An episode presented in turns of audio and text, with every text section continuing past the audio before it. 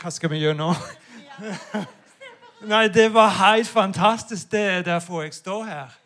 En sånn historie er, er midt i blinken. Å få en innledning til å kunne stå her og så fortsette på det hakket der. Jeg er så takknemlig til Gud. Jeg, er ikke Kristin og Liv Johanne, men jeg må gi praktisk info. Vi sliter med skjermen. Så dere ser. Kan være det ikke kommer mer. Og, og det er djevelen. Fordi jeg hadde Hvor mange plansjer i kveld? Jeg hadde rundt 20. Så, så det er Men for Ja, ja, ja. ja så, så, men han skal ikke eh, regjere her. Han skal ikke få lov til å bryte inn som det. Noe mer. Så da skal jeg bare tomme opp litt vann. Og så for noen dager siden, ja, en måned siden, jeg feirte at jeg hadde gått med Jesus i 25 år.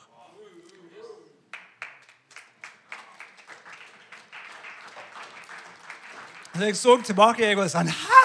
Er det så lang tid? Og jeg føler meg som ungdom fortsatt.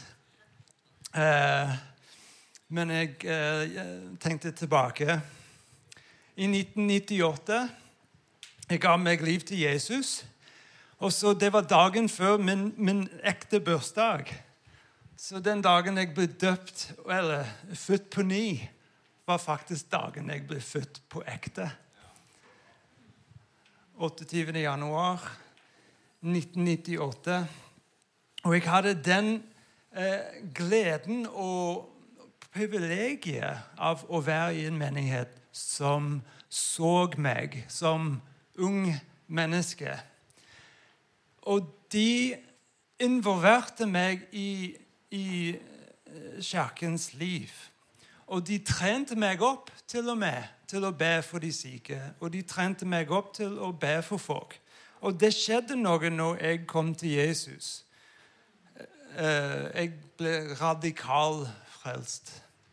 Jeg ble radikal frelst fra å være en vennlig mann til å være et barmhjertig mann. Og det var en radikal hendelse. Og det er det Jesus gjør med oss når vi gir livene våre til han. Han forvandler oss. Han tar litt substanse fra det som var, og så han puster nytt liv og gir mening og oppdrag til oss.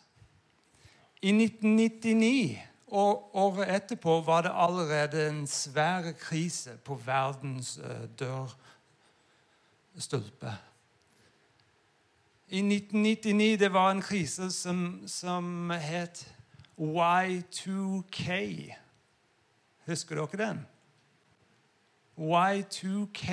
Det var slik at desember, eh, 31. desember 1999 skal verden som vi, vet det, slutte. Fordi at datamaskinene de fryktet. De tenkte at datasystemene skal stoppe opp fordi datasystemene var basert på noen tall.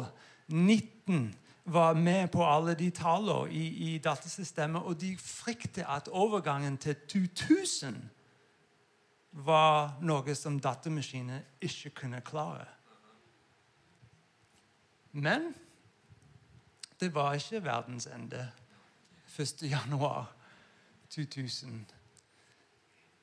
Så for meg det var min opplevelse av å være nyfrelst. Og så var det en krise hvor mange tenkte at her kommer Jesus tilbake.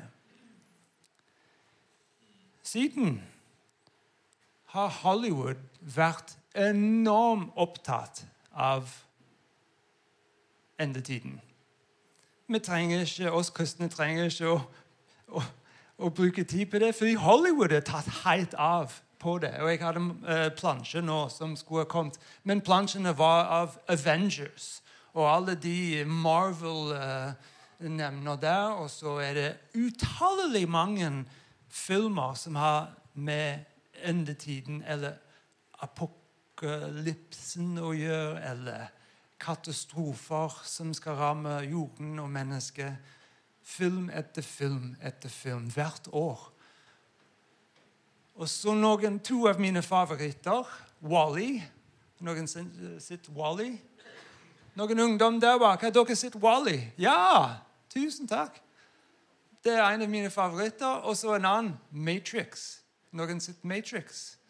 Matrix faktisk er, hvis dere det Teologien er ikke helt sammenhengende, men det er så mange gode illustrasjoner fra Matrix. Og den filmen er faktisk basert på Markeus evangeliet. Believe it or not. Men se på Matrix i forhold til hvordan djevelen og hans påvirkningen skjer. Den filmen har en, noen essenser der som påpeker hvordan flinke djevelen er til å lyge, og hvordan flinke han er til å gjøre oss til slaver. Men i 2023 vi, vi trenger ikke Hollywood til å skremme oss. Vi er midt i kriser på kriser på kriser.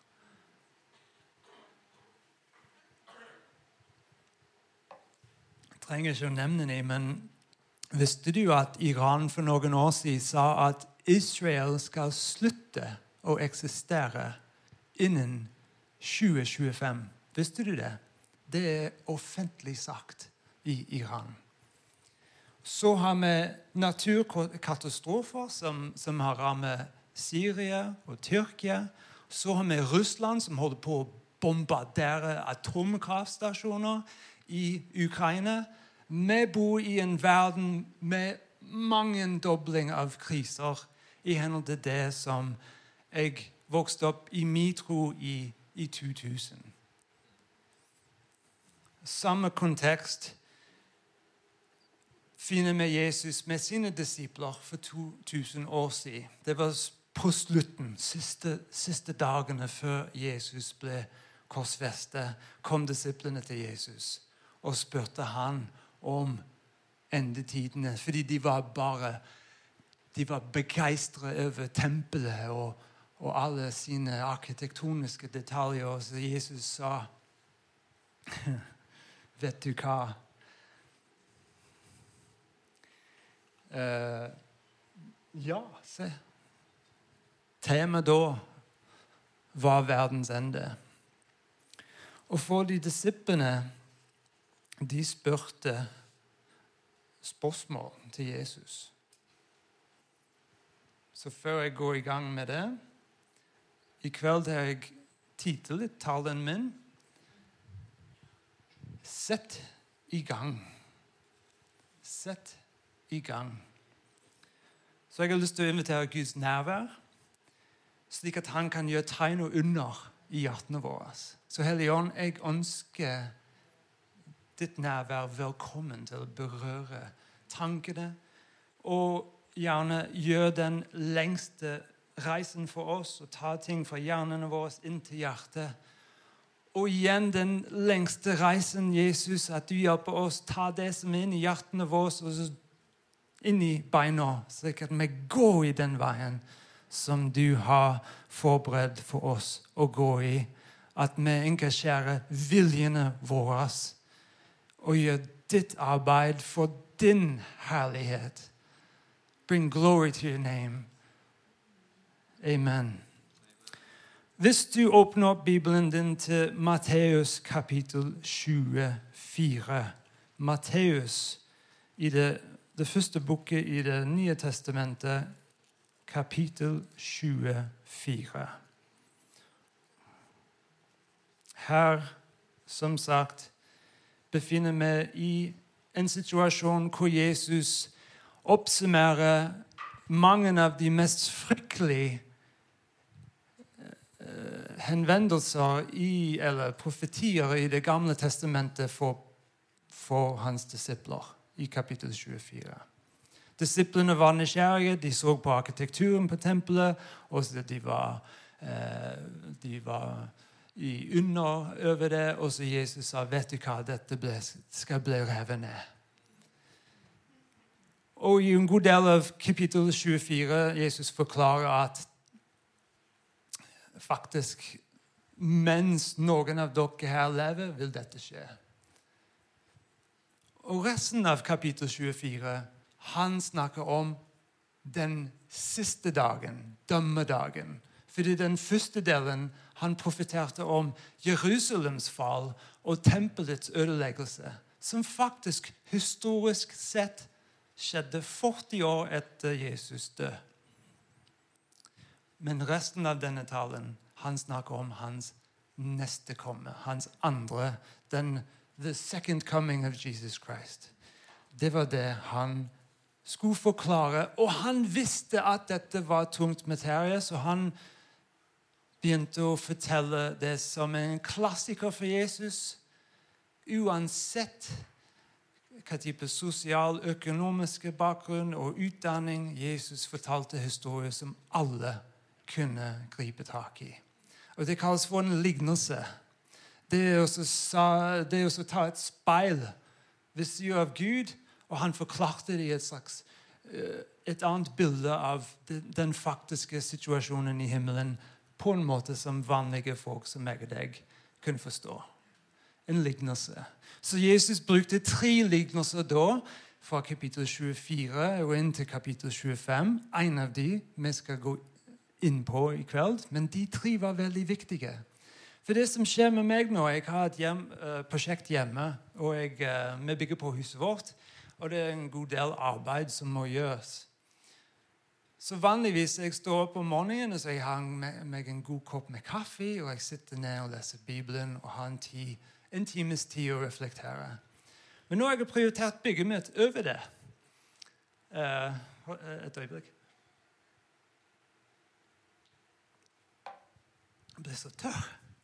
Jeg prioriterte bygget mitt nå, men jeg hører på Bibelen mens jeg gjør noen lette oppgaver. Og jeg har droppet kaffen. Kaffen tar jeg på jobb. Uh, mitt kontorjobb. Så jeg jobber en time hver morgen, eller når, når jeg gidder, og jeg hører på Bibelen. Og Det som er fantastisk med det, er at når jeg hører på den Bibelen mens jeg eh, maler, da har jeg gått gjennom syv-åtte kapitler i Bibelen. Og jeg får en vanvittig sammenheng du, du, det, det, er sånn, det, det, er fantastisk. Istedenfor å hoppe rundt kanskje en kapittel her og en kapittel der. Da får du en lang stund, og så kunne du bare oppleve Skriften på en helt annen måte. Du får den oppbyggingen. Du får en slags eh, med gåen vei. Med, med, du får en sammenheng. og Det er så deilig. Det har vært en så velsignelse for meg hele vinteren. Og da står det ut med dagens tekst. Matteus 24 og 25. Jesus er på vei inn i tempelet, ikke sant? kapittel 23. Han kjefter ut de religiøse fordi de holder på å ta, ta, ting i en helt feil retning. Kapittel 24 han forteller at tempelet skal ødelegges. Og så i 25 han forklarer disse tre lignelser for å bryte det ned, for å komme heit jo ned. Hva betyr dette med hans andre komme? Og Det var en stor introduksjon. I de tre Hovedpoenget er at ingen Ingen vet dagen eller time. Jeg skal ikke gå inn på og prøve å Jesus sa nei, ingen Ingen engler, ingen, kun min far vet dagen og timen. Men han sa 'våk'. Og så vi har de tre lignelser. De tre lignelser er hva da? Disiplene var interessert i spørsmålet 'når skal det skje?' Men Jesus sitt fokus var 'hvordan skal du forholde deg til min andre komme?' Hvor skal du være eller hva, hva, er, hva er du gjort med en skatt? Um,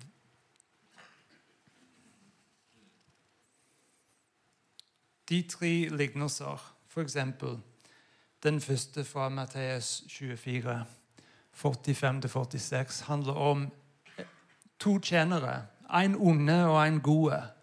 Og den ene gjør det som er forventa av han, og den andre har ikke noe integritet. Han bare Han tenker sin mester er en lang tid å komme, og han begynner å utnytte andre. Så det er en historie om hva skal vi holde på med. Jo, vi skal holde på med det som vi er blitt uh, uh, entrusted with. Uh, betrodd. Takk skal du ha. Neste historien, og tusen takk for den Tore, den kvelden du ledet for en måned siden. Det, det gjør det noe amazing inni meg i forhold til å koble ting opp med, mot den uh, jødiske bryllupet som du viste. Her har vi i Matteus 25, 1-13 lignelsen om de jomfruene som ventet på brudgommen å komme. Og det som eh, står ut der, er at vi, eh, vi må vente forberedt.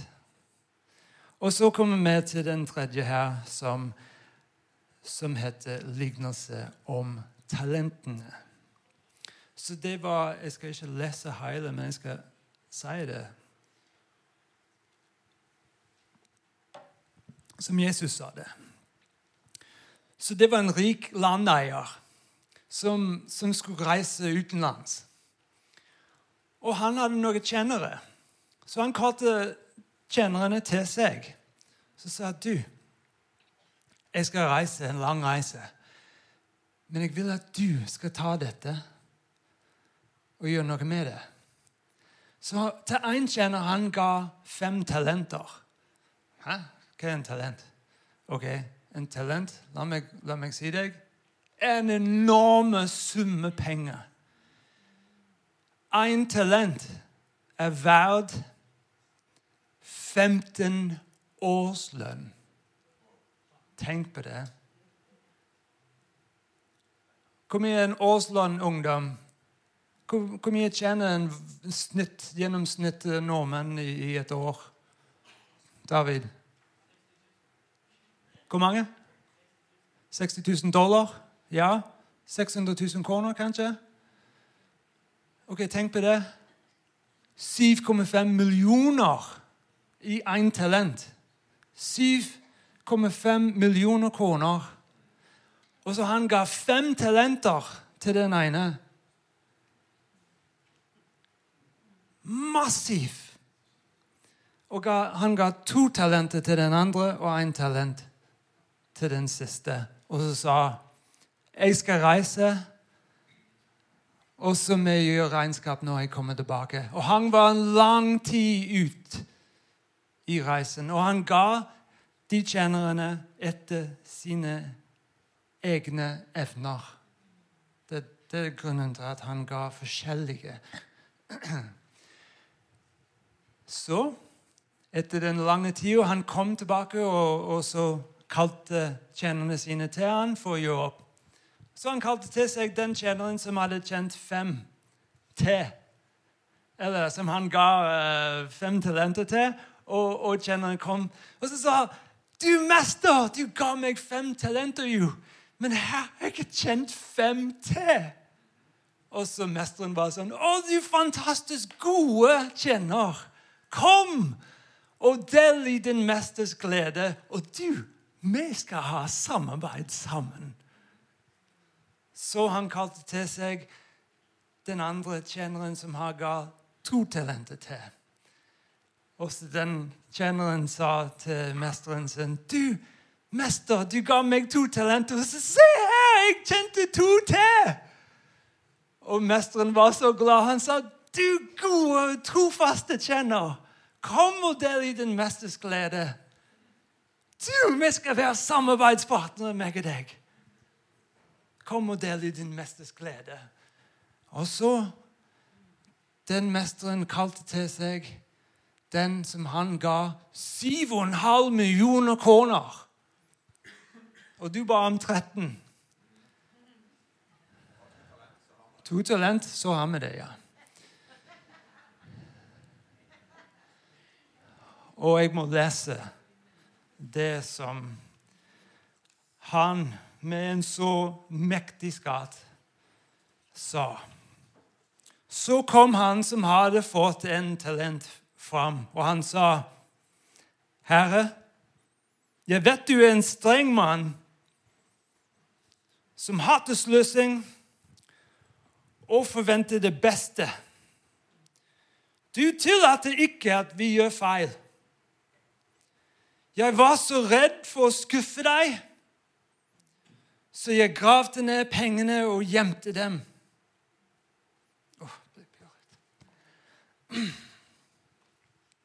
Her har du de pengene tilbake som du ga meg. Men da ble den rike landeieren rasende. Den ond! Den onde og dårlig kjenner.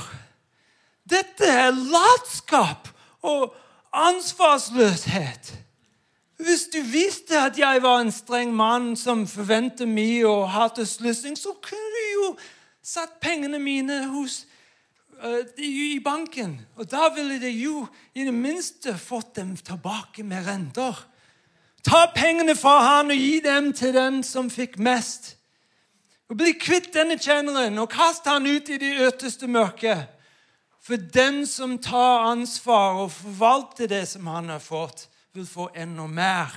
Men den som ikke forvalter selv, det lille han har fått, skal bli fratatt selv det lille han har. Jesus Det var en historie fra Jesus. Er det den Jesusen du kjenner?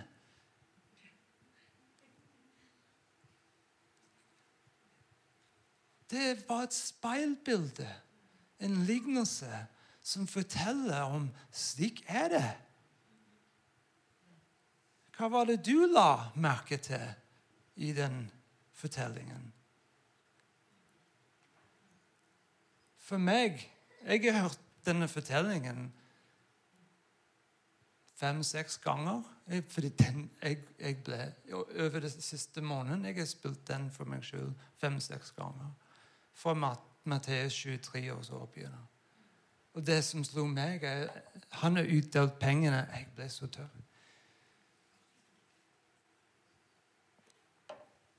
Han delte ut talentene, pengene, etter tjenernes egne evner. Og den med fem talenter, det står i Bibelen, han gikk straks ut og satt pengene i bruk.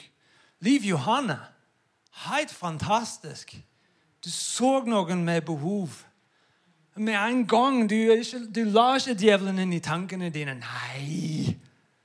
Men du sa jo. Jeg skal hente den, denne dama. Fantastisk. Og han smiler på deg.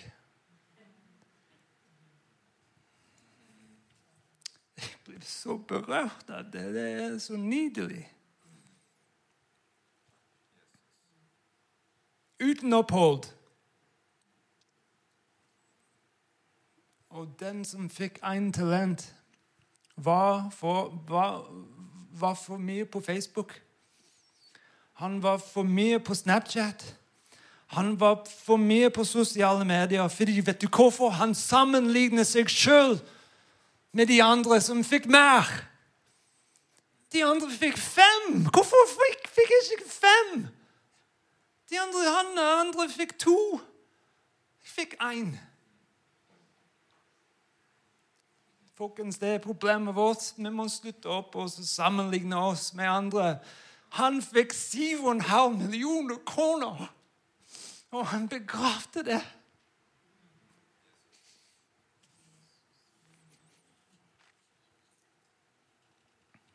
Vær obs på synden av utelatelse. In English, there's the sin of commission. Det du gjør mot andre, som er, som er synd. And then there's also the sin of omission. Det er den synden som du gjør når du lar være. Takk. U, eh, det er et nytt ord for meg. Utelatelse. Unnlatelse. Å, kanskje du preker for meg?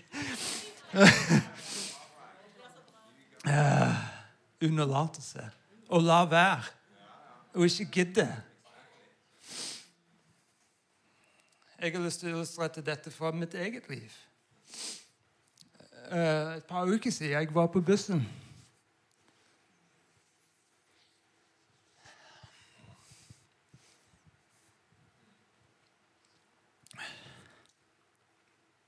Å, Hellige Ånd, tusen takk. Kom og berør oss. Kom, kom og forandre oss. Jeg har ikke lyst til å være det samme i dag. Jeg har lyst til å bli en bedre utgave i morgen. Jesus, forandre oss. Og ta hjertene våre og, og gi hjertene våre til dine hjerter. Hjelp oss til å se og forstå og komme i gang. Ok, så jeg var på bussen. Jeg så en mann. Jeg satt ned, og det var en mann som satt mot meg. Og han var blind i øyet sitt.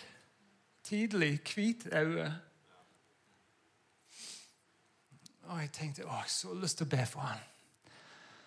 At denne mannen her kan få synet sitt tilbake og gå av bussen og kjenne at Jesus elsker han og har lyst til å ha en personlig relasjon med han og eh, forandre hele livet hans. Det har jeg tro på. Det har jeg sett. Jeg har ikke sett en blind mann for å si det, men jeg har sett ganske mye fantastisk. Og så var det noen terskler. Denne mannen her snakket ikke norsk. Han snakket arabisk. Han var med en kompis, og de satt ytterst på radet. Og jeg kom sammen med en annen på bussen, så jeg var ikke alene.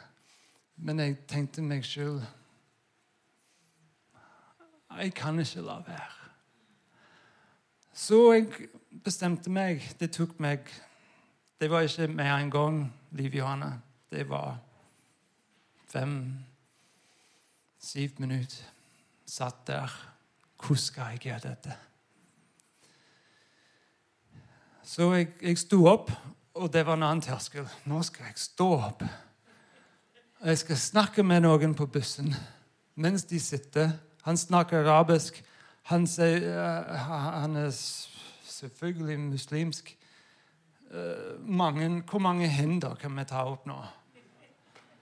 Så sa jeg til han du, um, jeg ser at du du har en skade på øyet, og jeg fikk en barmhjertig reaksjon når jeg så deg. Jeg sa til han at du, jeg følger Jesus, og jeg ber for folk. Kan jeg få lov å be for deg? Så han sa Ja, øyet mitt Jeg er blind i det øyet. Er du lege?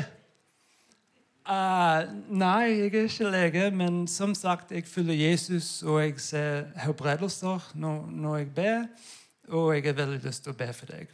Så han han forsto ikke helt hva jeg Fordi han var litt, gåboken, litt mer gåboken norsk enn jeg er. Eh, så han holdt på, og dette sånn, begynner å bli ubehagelig. Nå, nå han tok han telefonen sin og så ringte til kona hans, fordi hun var litt, litt, litt bedre på norsk. Og han ville at jeg skulle si til, si til hun i telefonen det som jeg sa til han. Så jeg sa OK, hei. Jeg, jeg, jeg fikk et barmhjertig eh, medfølelse for, for, denne mannen her. Og så eh, Jeg følger Jesus, og jeg har lyst til å be for ham. Og så hun svarte tilbake Jeg vil ikke helt med sånn Hva skjer nå? Hvem er dette jeg snakker med? Og, og litt sånn uh, uh, og, og, Men hun, hun, snakket til meg og så sa at å ja, denne mannen her, han er muslimsk. Så jeg sa å ja, Jesus elsker muslimer. Og det er sant.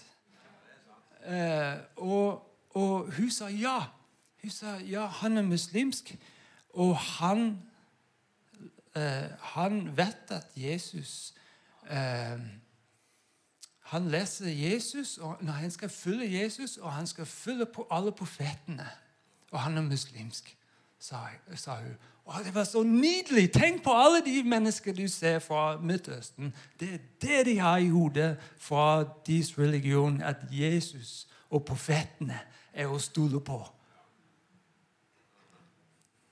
Men så kom busstoppen deres, og de måtte ut. Og jeg var sånn Søren! Nei! Fikk ikke be. Og det var så Fikk ikke be. De måtte ut. Åh. Men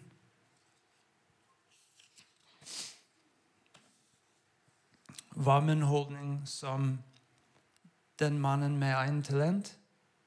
Herre, jeg vet at du er en streng mann som hater sløsning og forventer det beste. Du tillater ikke at vi gjør feil.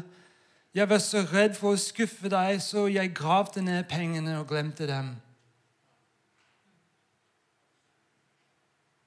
Vet du hva jeg, jeg hørte i mitt hjerte når den mannen gikk av bussen? Å, Brian, jeg er så stolt av deg! Jeg kjente det. Jeg var sånn Ja! Men jeg hørte Jesus sa, men Brian, neste gang, bare sett i gang. Sett i gang med en gang. Ikke tenk hvordan du vil løse det. Du brukte altfor mye tid, Brian, og, og, og finn ut av alle disse tingene. Gå i gang! Sett i gang! Det er min beskjed til dere. Sett i gang. Men Jesus gjør det sånn. Han vil, ja! Tenk på alle de terskelene. Ikke sant? Frykten la meg jeg, jeg, jeg, la ikke frykten komme, men jeg, jeg var plaga av de, alle de sosiale tingene. ikke sant? Så frykten var i bildet. Men jeg skulle gjerne be for han. Og han tror jeg fikk en opplevelse av What? Hva i all verden? Det var en kristen som, som hadde lyst til å be for meg? Det har jeg aldri opplevd i, i uh, mosken. Kan du tenke?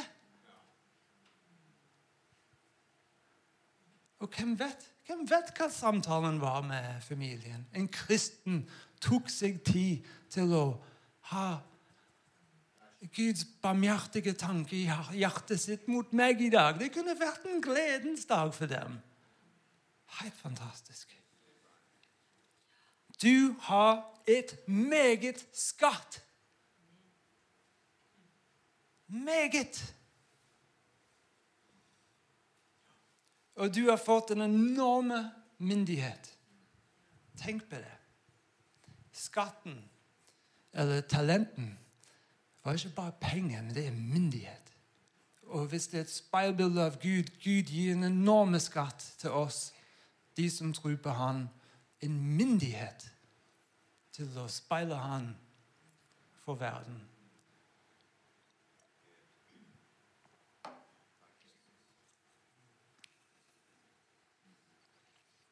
Så har jeg lyst til å lese fra Matteus siste, eller et nytt avsnitt. da.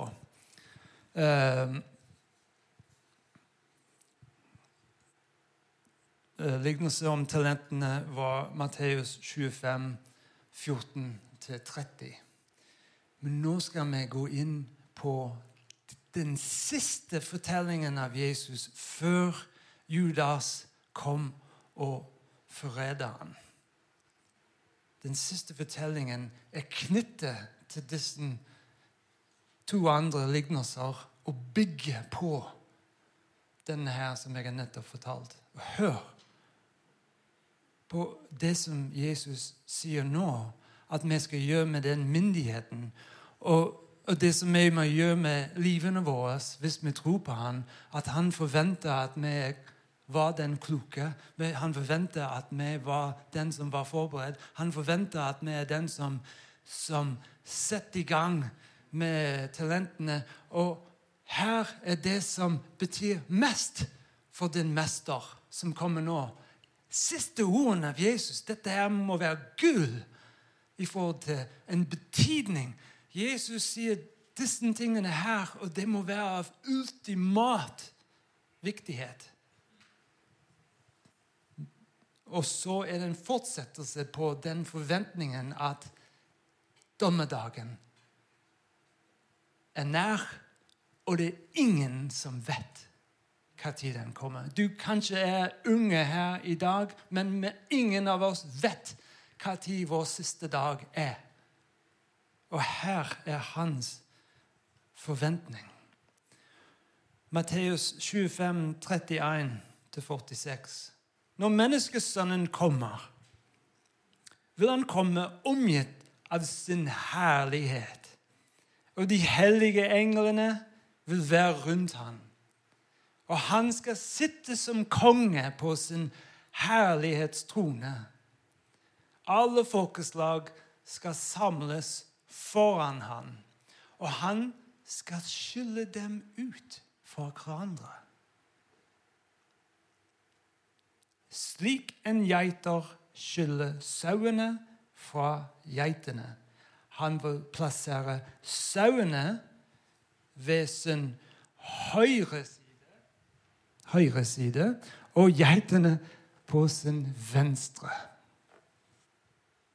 Så vil kongen snu seg mot sauene som står ved hans høyre side Åh, oh, det er vanskelig.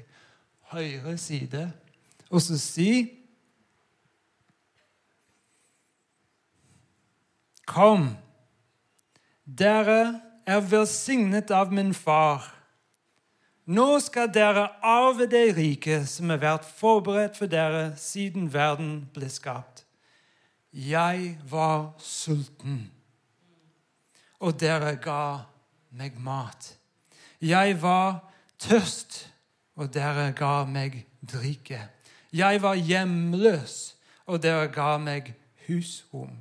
Jeg var naken, og dere ga meg klær. Jeg var syk, og dere kom til meg. Jeg var i fengsel, og dere besøkte meg. Og da skal de svare ham og si, 'Herre, hæ? hva snakker du om?' Nå, nå så vi deg sulten og mettet deg, eller tørst, eller ga deg drikke. Nå traff vi deg hjemmeløs og ga deg et rom, eller naken og kledde deg. Nå så vi deg syk eller i fengsel eller besøkte deg. Da skal kongen svare dem. Hver gang dere hjalp eller gjorde noe av dette mot en av de minste av disse mine søsken, var det meg dere gjorde det, mot. Så skal han snu seg til geitene ved sin venstre side og si Og dette er Jesus som snakker. Gå bort fra meg. Dere skal være forbannet til den evige ild som er gjort ferdig for djevelen og hans engler. Jeg var sulten, men dere ga meg ikke mat. Jeg var tyst, men dere ga meg ikke drikke. Jeg var hjemløs, men dere ga meg ikke husrom. Jeg var naken, og dere ga meg det minste oh, oh, oh. Dere ga meg ikke klær. Jeg var syk og i fengsel, men dere besøkte meg ikke. Og de spør, 'Herre, hva er det du snakker om?' Nå så vi deg sulten, tøst, hjemmeløs, nakken, sikkerlig i fengsel uten å hjelpe deg. Og jeg sier dere, hver gang dere ikke hjalp eller gjør noe av dette mot én av de minste av mine søsken. Det var meg dere nektet å hjelpe. De som, har, de som bare har levd for seg selv, skal gå bort til en evig straff. Men de som har levd for Gud, skal få evig liv.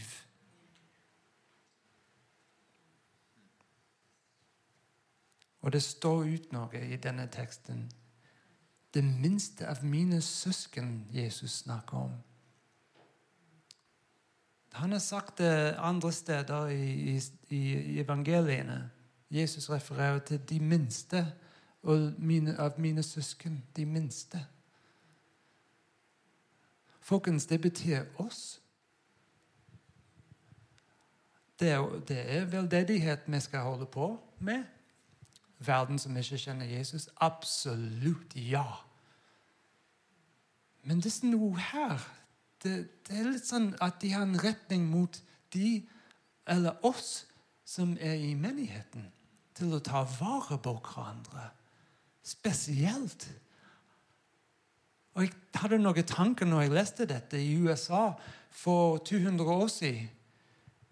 Det var ikke noe velferdssystem i USA. Det er derfor de har det ikke i dag. Det er derfor, hvis dere har tenkt på det.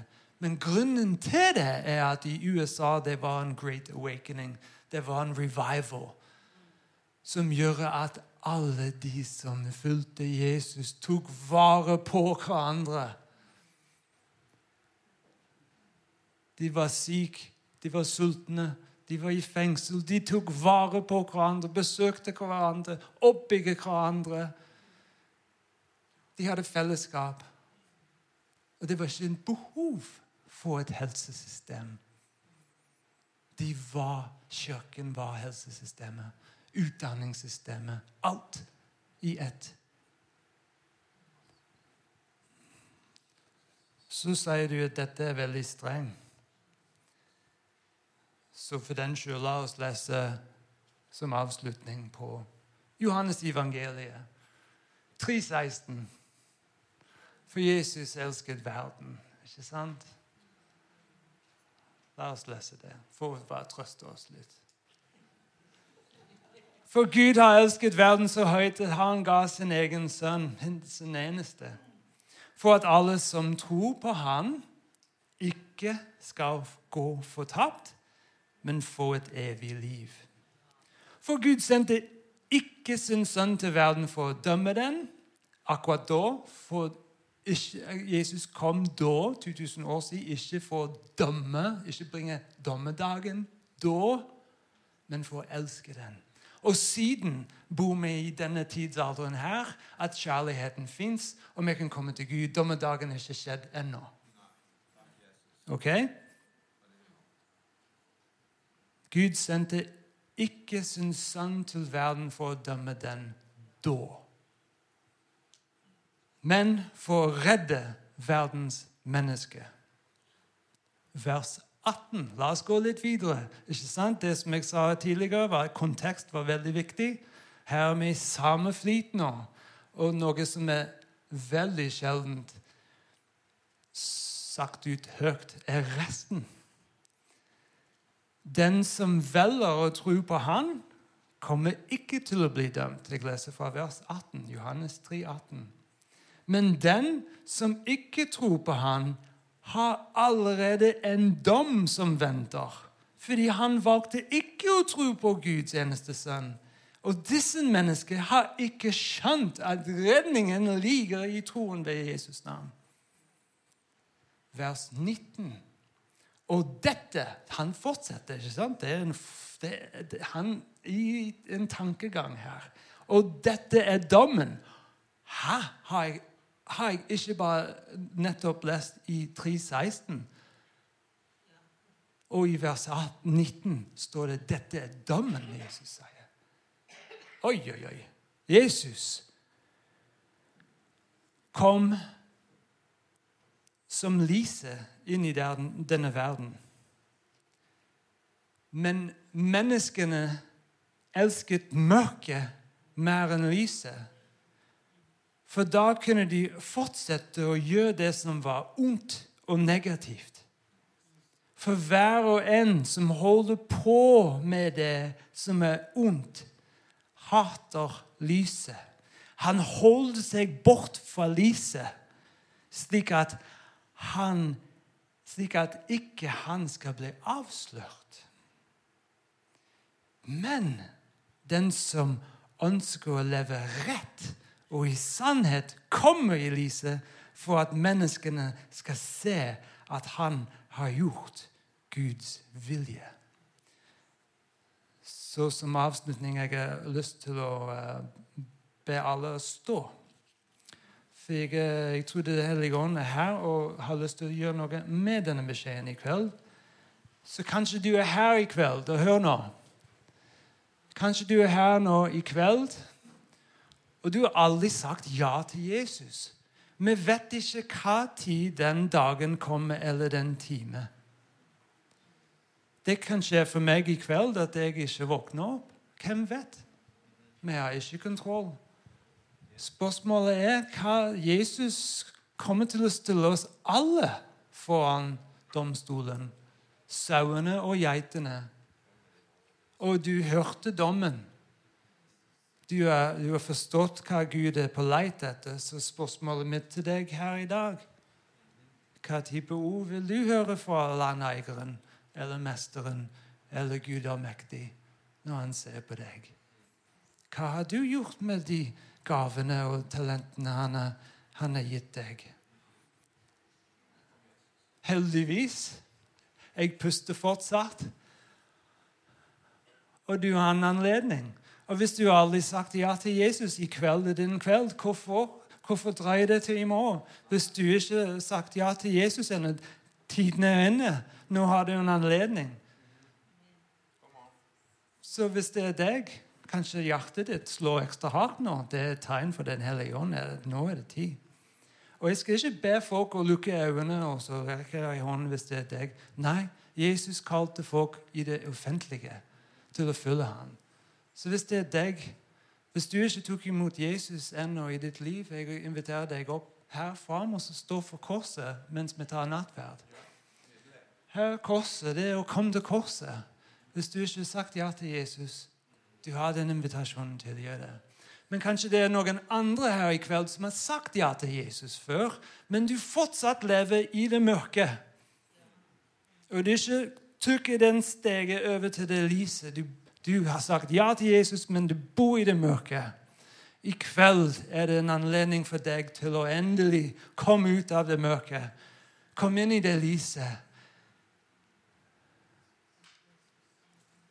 Og så jeg tror det er en annen gruppe mennesker her i kveld som har begravd sin talent. Har begravd sin skatt for Gud. Fordi du har visst at Gud tillater ikke noe feil. Og det, det er et løgn fra fienden. Den kan vi slå ned nå. Han ønsker at du skal prøve deg fram som jeg gjør det på bussen.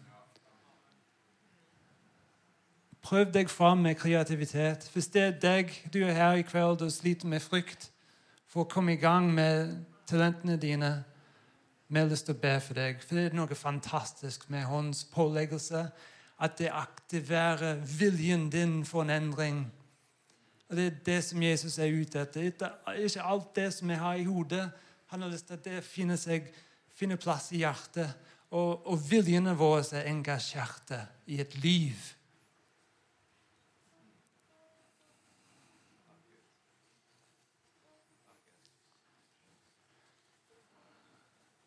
Ikke null. Og i kveld skal vi ha nattverd, så jeg har lyst til å invitere til nattverd. Men la dette være et, et atmosfære hvor vi lar Den hellige ånd snakke til oss. Og så vi spør inn i hjertene våre Å, Jesus, sett meg i gang.